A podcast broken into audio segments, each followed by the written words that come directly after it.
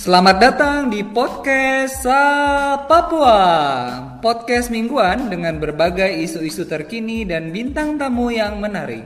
So, stay tuned and happy listening.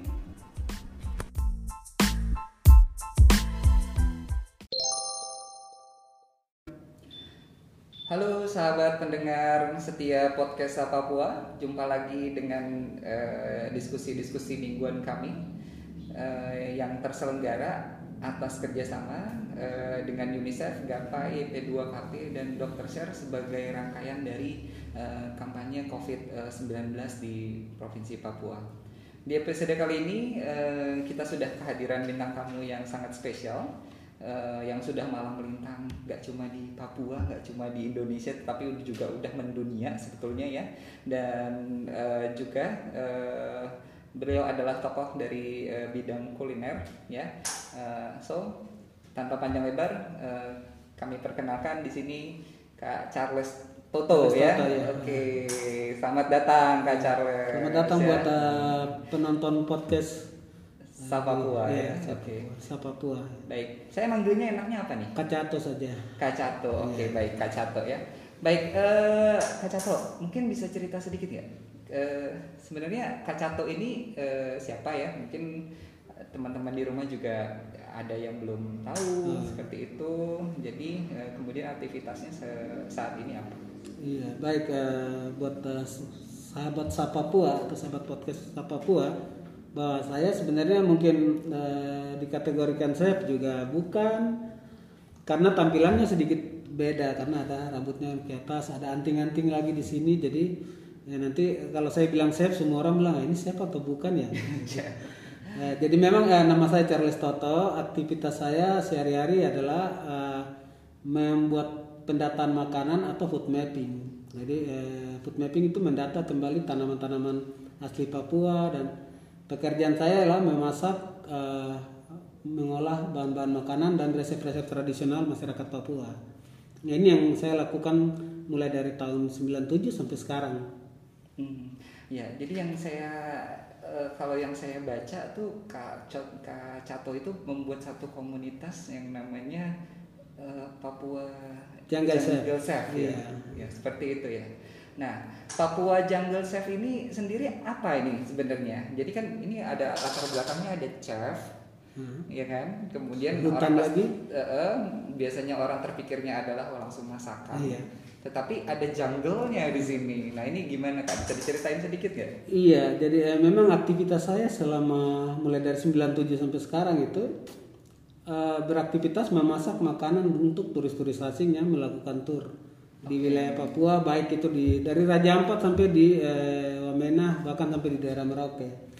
Jadi memang eh, kenapa saya bikin komunitas Jungle Chef karena kita mengumpulkan bahan-bahan makanan yang ada di hutan dan itu yang kita kelola sebagai bagian dari gastrodiplomasi, mendiplomasikan makanan Papua dan bahan-bahan kepada tamu-tamu asing yang berkunjung ketika itu di Papua mulai dari di Raja Ampat. Sekarang mungkin Raja Ampat lebih terkenal.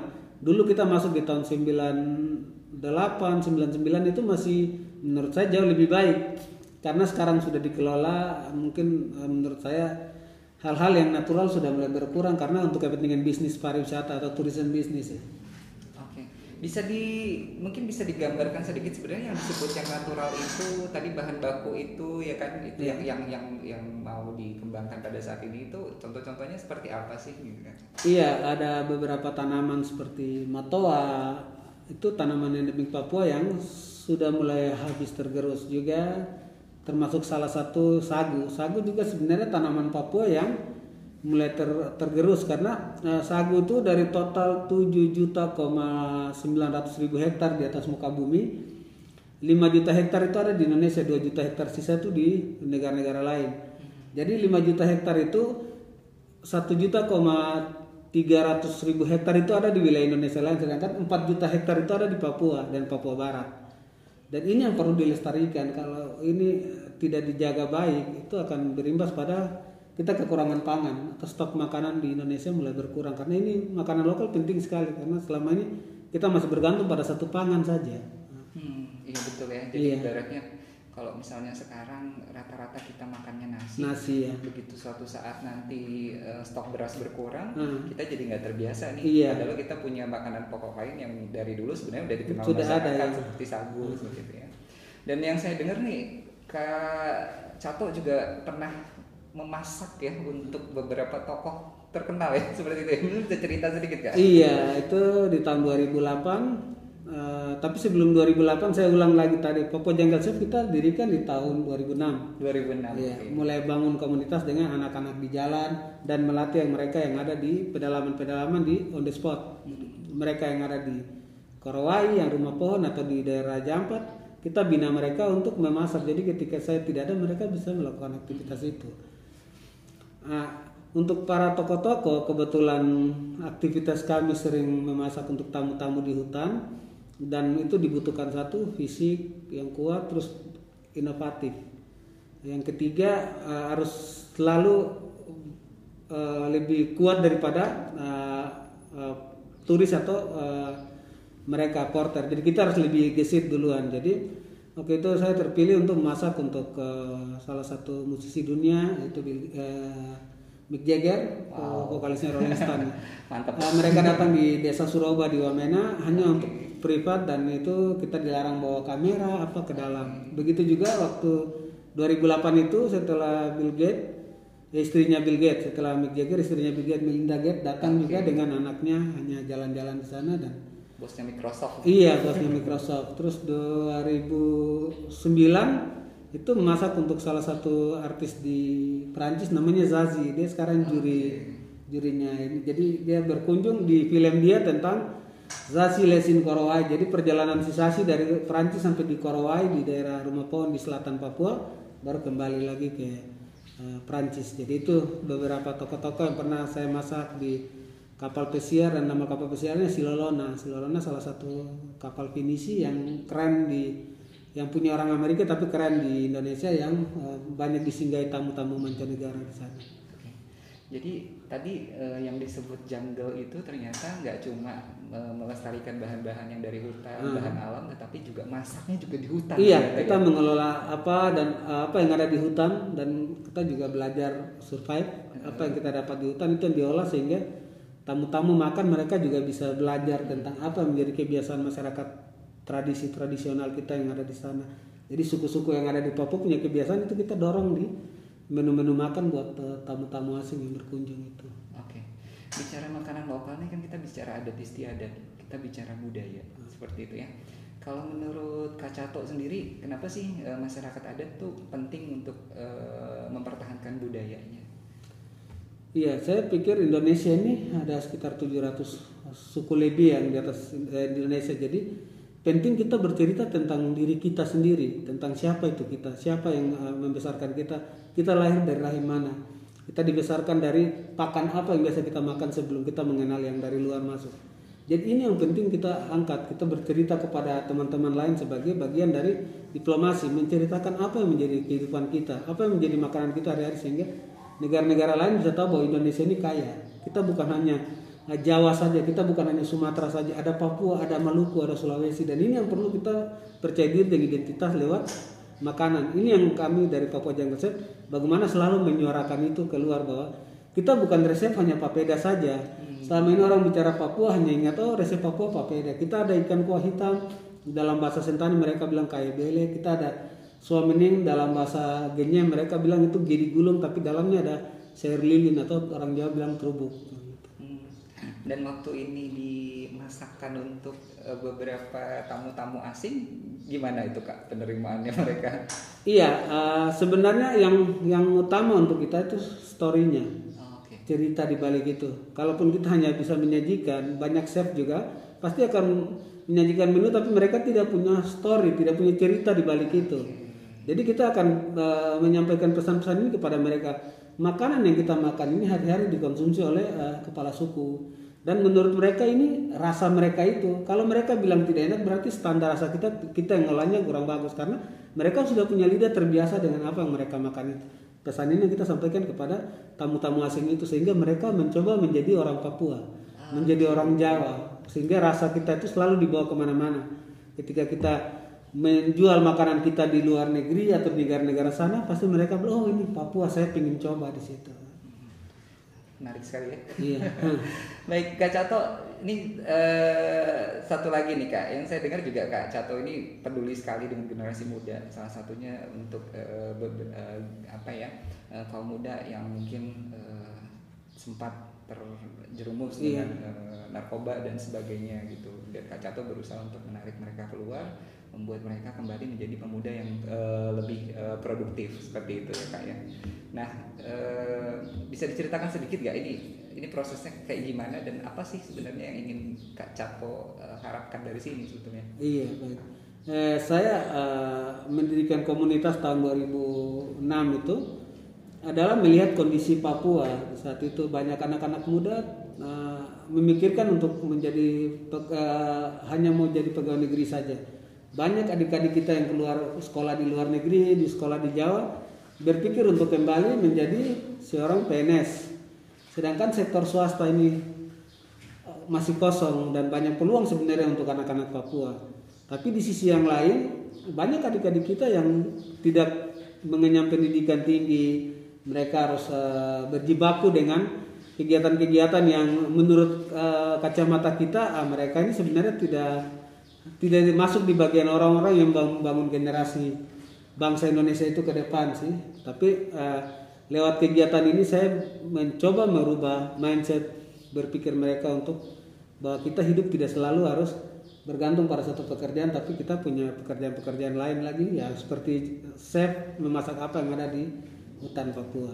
Oke menarik ya dan Iya. ini juga termasuk yang generasi muda yang tadi eh, sempat eh, Iya loss itu. yang loss itu ya Iya, jadi memang saya lebih care terhadap mereka yang dalam hal ini lagi menggunakan ganja, ibon dan yang lain-lain itu yang eh, kami Papua Jungle Chef mencoba merekrut bahwa kalian bisa berarti kalau kalian melakukan hal-hal yang positif. Baik kak, nah ini ya eh, saat ini kan kita sedang menghadapi eh, pandemi corona nih kak ya. Eh, tentu ber- banyak sekali kegiatan kita yang terus terang akhirnya terkendala nih dengan corona sendiri, termasuk juga anak-anak muda di sini ya. Nah kalau menurut kak Cato sendiri ya, apa sih dampak langsung corona bagi masyarakat adat atau bagi pemuda? Sebenarnya eh, dampak corona ada dua menurut saya.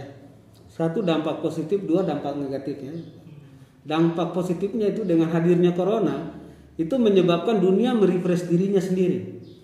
Sudah tidak ada pabrik untuk mengelola di seluruh muka bumi, dengan otomatis dunia akan memperbaiki dirinya sendiri lebih baik. Dengan banyaknya perusahaan-perusahaan besar yang merusak hutan itu menutupi eh, muka bumi ini mulai kembali mulai normal dengan cara dia sendiri. Kedua, hutan itu dirusak oleh manusia. Ini saatnya me- hutan merusak manusia, manusia merusak hutan. Ini timbal balik dari apa yang kita alami sekarang. Jadi memang eh, eh, dampak corona ini berpengaruh besar terhadap perubahan ekosistem di atas muka bumi. Dalam arti hampir seluruh negara-negara yang pengekspor eh, karbon dioksida untuk muka bumi ini mulai berhenti. Dengan cara berhenti itu dunia memperbaiki dirinya sendiri. Kutub utara mulai baik, Jakarta juga banyak teman-teman sudah mulai Mending menikmati burung mereka beberapa waktu lalu teman telepon kawan saya punya rumah sudah bisa ada burung terlihat di situ. Itu menurut saya satu kebanggaan. Oke. Ya. dampak negatifnya yaitu berimbas pada eh, bagaimana kita eh, tidak menjaga diri kita untuk selalu berkumpul di eh, kelompok-kelompok massa yang besar. Tanpa mempedulikan itu kita merasa diri lebih hebat daripada apa yang terjadi sekarang. Itu menyebabkan banyak makin meningkatnya jumlah eh, eh, yang terjangkit virus corona ini. Sebenarnya ini yang perlu kita mengedukasikan ke eh, masyarakat kita sendiri. Baik itu lewat bagaimana pola konsumsi pola makan. Dan ini yang perlu kita eh, melihat. Dan saya pikir yang satunya adalah bagaimana untuk menjaga kestabilan pangan dalam rumah tangga dan eh, dalam eh, negara itu sendiri. Dalam arti Indonesia ini. Oke, menurut Kak Toto sendiri ya, Kak Cato nih ya, eh, apa yang bisa dilakukan anak muda ya, khususnya di era corona ini, di era di rumah aja, eh, untuk mencegah dan menanggulangi corona? Menurut saya untuk generasi muda penting memberikan informasi-informasi yang positif. Dalam arti ya mungkin di saat eh, virus corona mungkin kita bisa mulai berjualan dengan apa yang kita hasilkan atau membantu memposting apa yang punya tetangga yang bisa dijual sehingga mereka juga bisa mendapatkan uang. Walaupun skala menanamnya hanya kecil ini yang kami sedang lakukan teman-teman di Popo Jenggal jadi membuat perkebunan di setiap rumah-rumah tangga. Jadi kita membangun itu selama hampir sudah satu dua minggu ini kita kerjanya menata dengan cara kita memberikan informasi kepada tetangga sebelah bahwa uh, kita di sini ada menjual uh, sayuran sehingga mereka tidak kekurangan dari sisi keuangan. Tapi kita juga memperhatikan uh, protap-protap tentang penggunaan uang kita menjaga apa yang dianjurkan pemerintah harus selalu kita perhatikan jadi intinya ya salah satu masalah dengan corona ini kan banyak orang yang apalagi ini udah hampir dua bulan ya yeah. orang udah mulai bosen nih yeah. di rumah aja gitu kan harus ngelakuin apa sih sebetulnya gitu dan mungkin juga tadi ya uh, saya nggak tahu sih dalam penilaiannya kak Cato sendiri uh, yang protap-protap tadi kayak oh ya harus cuci tangan yeah. ya kemudian ter ter terkait dengan penggunaan uang itu sudah yeah. dipatuhi dengan baik atau tidak ya. mungkin Uh, di situ sendiri uh, menurut Kak Cato gimana untuk pencegahan corona bagi anak muda dan apa sih sebenarnya hal-hal yang bisa dilakukan secara positif oleh anak muda saat di rumah aja? Ya, yes, uh, mungkin uh, sementara ini dunia maya, uh, dunia media sosial menjadi sarana-sarana yang paling penting untuk sarana bergaul. Hmm. Jadi uh, ini bagian dari yang kita memberikan informasi-informasi tentang tadi yang saya jelaskan di awal soal bagaimana kita mendapatkan input bahwa tetangga kita lagi uh, menanam nih tapi dia tidak punya kemampuan untuk uh, menjual itu. Ya mungkin lewat uh, generasi muda yang paham tentang media-media sosial memberikan informasi tentang apa yang mau di, disalurkan ya mereka memberikan informasi itu sehingga mereka transaksinya bisa lewat uh, ATM atau bisa mereka kirim lewat ini sehingga atau pengiriman delivery sehingga mereka juga tidak tidak terpapar virus itu sehingga mereka jauh lebih bisa mempertahankan diri mereka menjaga jarak dalam uh, di tempat-tempat umum serta dalam keluarga juga harus saling saling terbuka. Bagaimana dengan ini kan Kak Cato oh ya uh, Kak Cato sendiri kan ini uh, berurusan ini ibaratnya dengan dunia uh, kuliner dunia hmm. makanan. Kalau kita bicara kuliner ini kan erat kaitannya dengan masalah gizi nih ya. Hmm. Nah, ada nggak sih sebenarnya uh, yang menurut Kak Cato hubungannya antara uh, oh iya kalau kita melakukan apa ya uh, memelihara pola gizi yang baik ini sebenarnya juga menyumbang juga untuk uh, pencegahan corona seperti itu kira-kira. Iya, saya pikir ya mungkin yang terpenting itu kita menjaga pola pola makan. Pola makan ya pola makan di dalam itu ya pasti tubuh ini butuh tiga unsur dalam tubuh yaitu uh, karbohidrat, vitamin dan protein dan ini harus disejajarkan.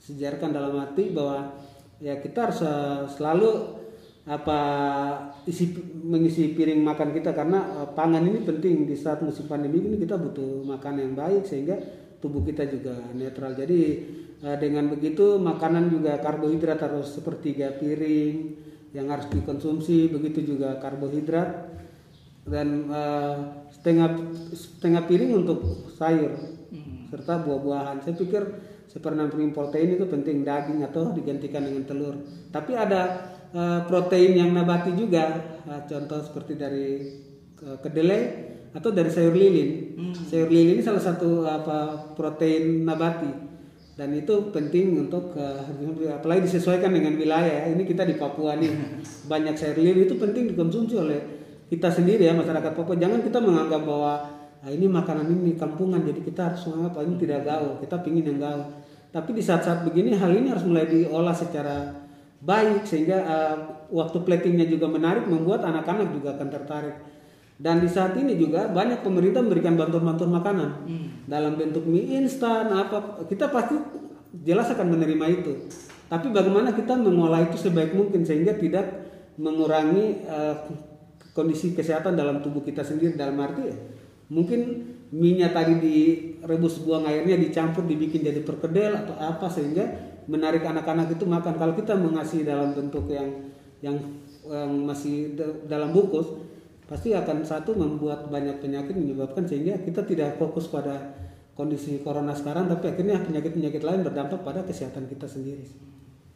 Ya menarik sih ya. Jadi e, intinya dalam situasi corona ini menjaga daya tahan tubuh penting dan salah satunya adalah dengan e, mempertahankan e, gizi iya, keluarga. Gizi.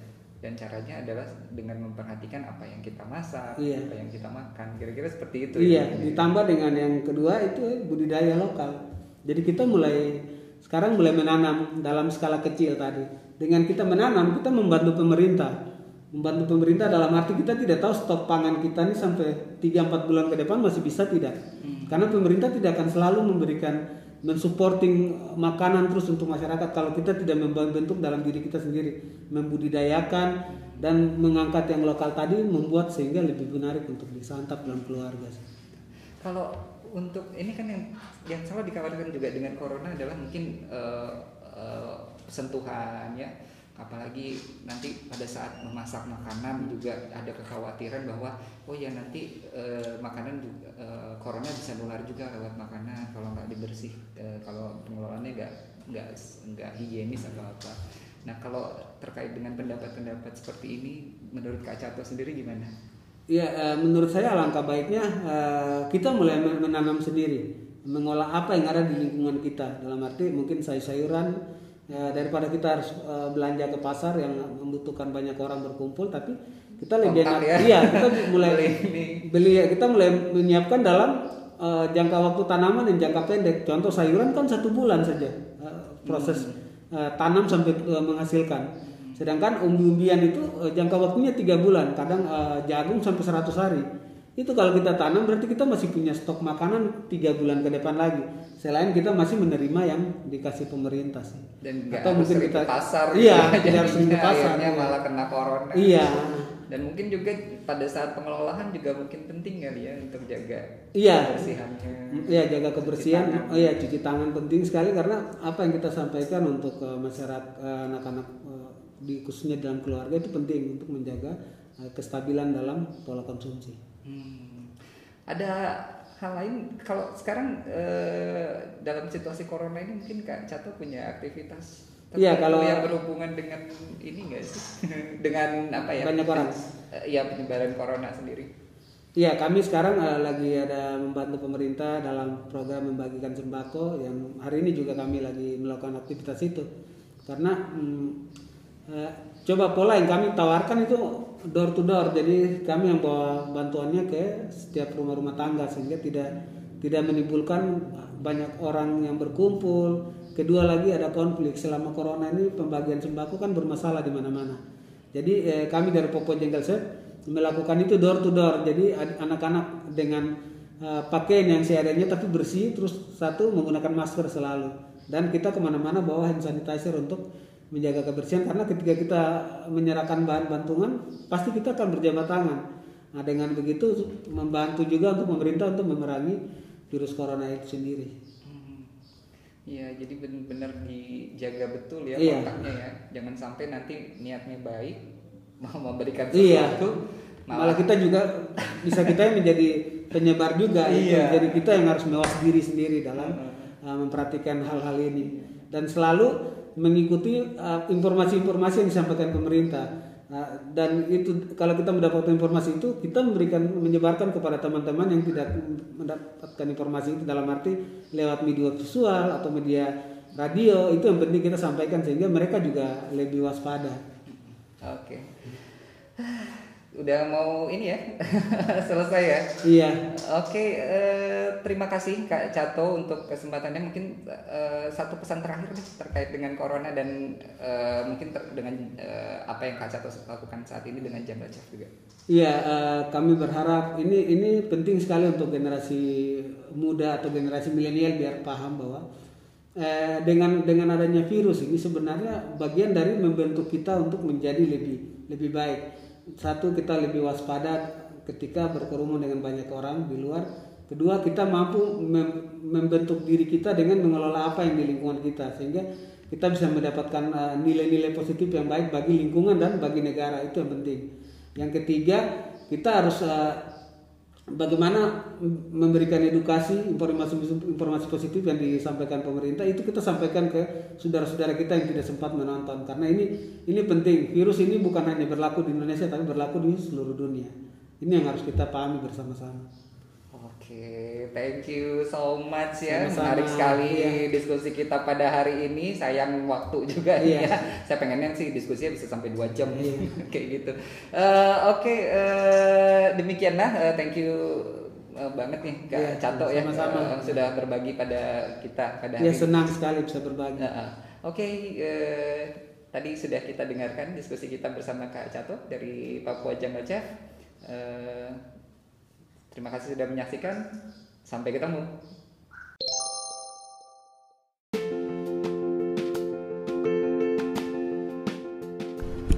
Terima kasih kepada Kitong Bisa Enterprise, PES, dan Hapin Papua yang telah membantu menyebarluaskan informasi kegiatan ini.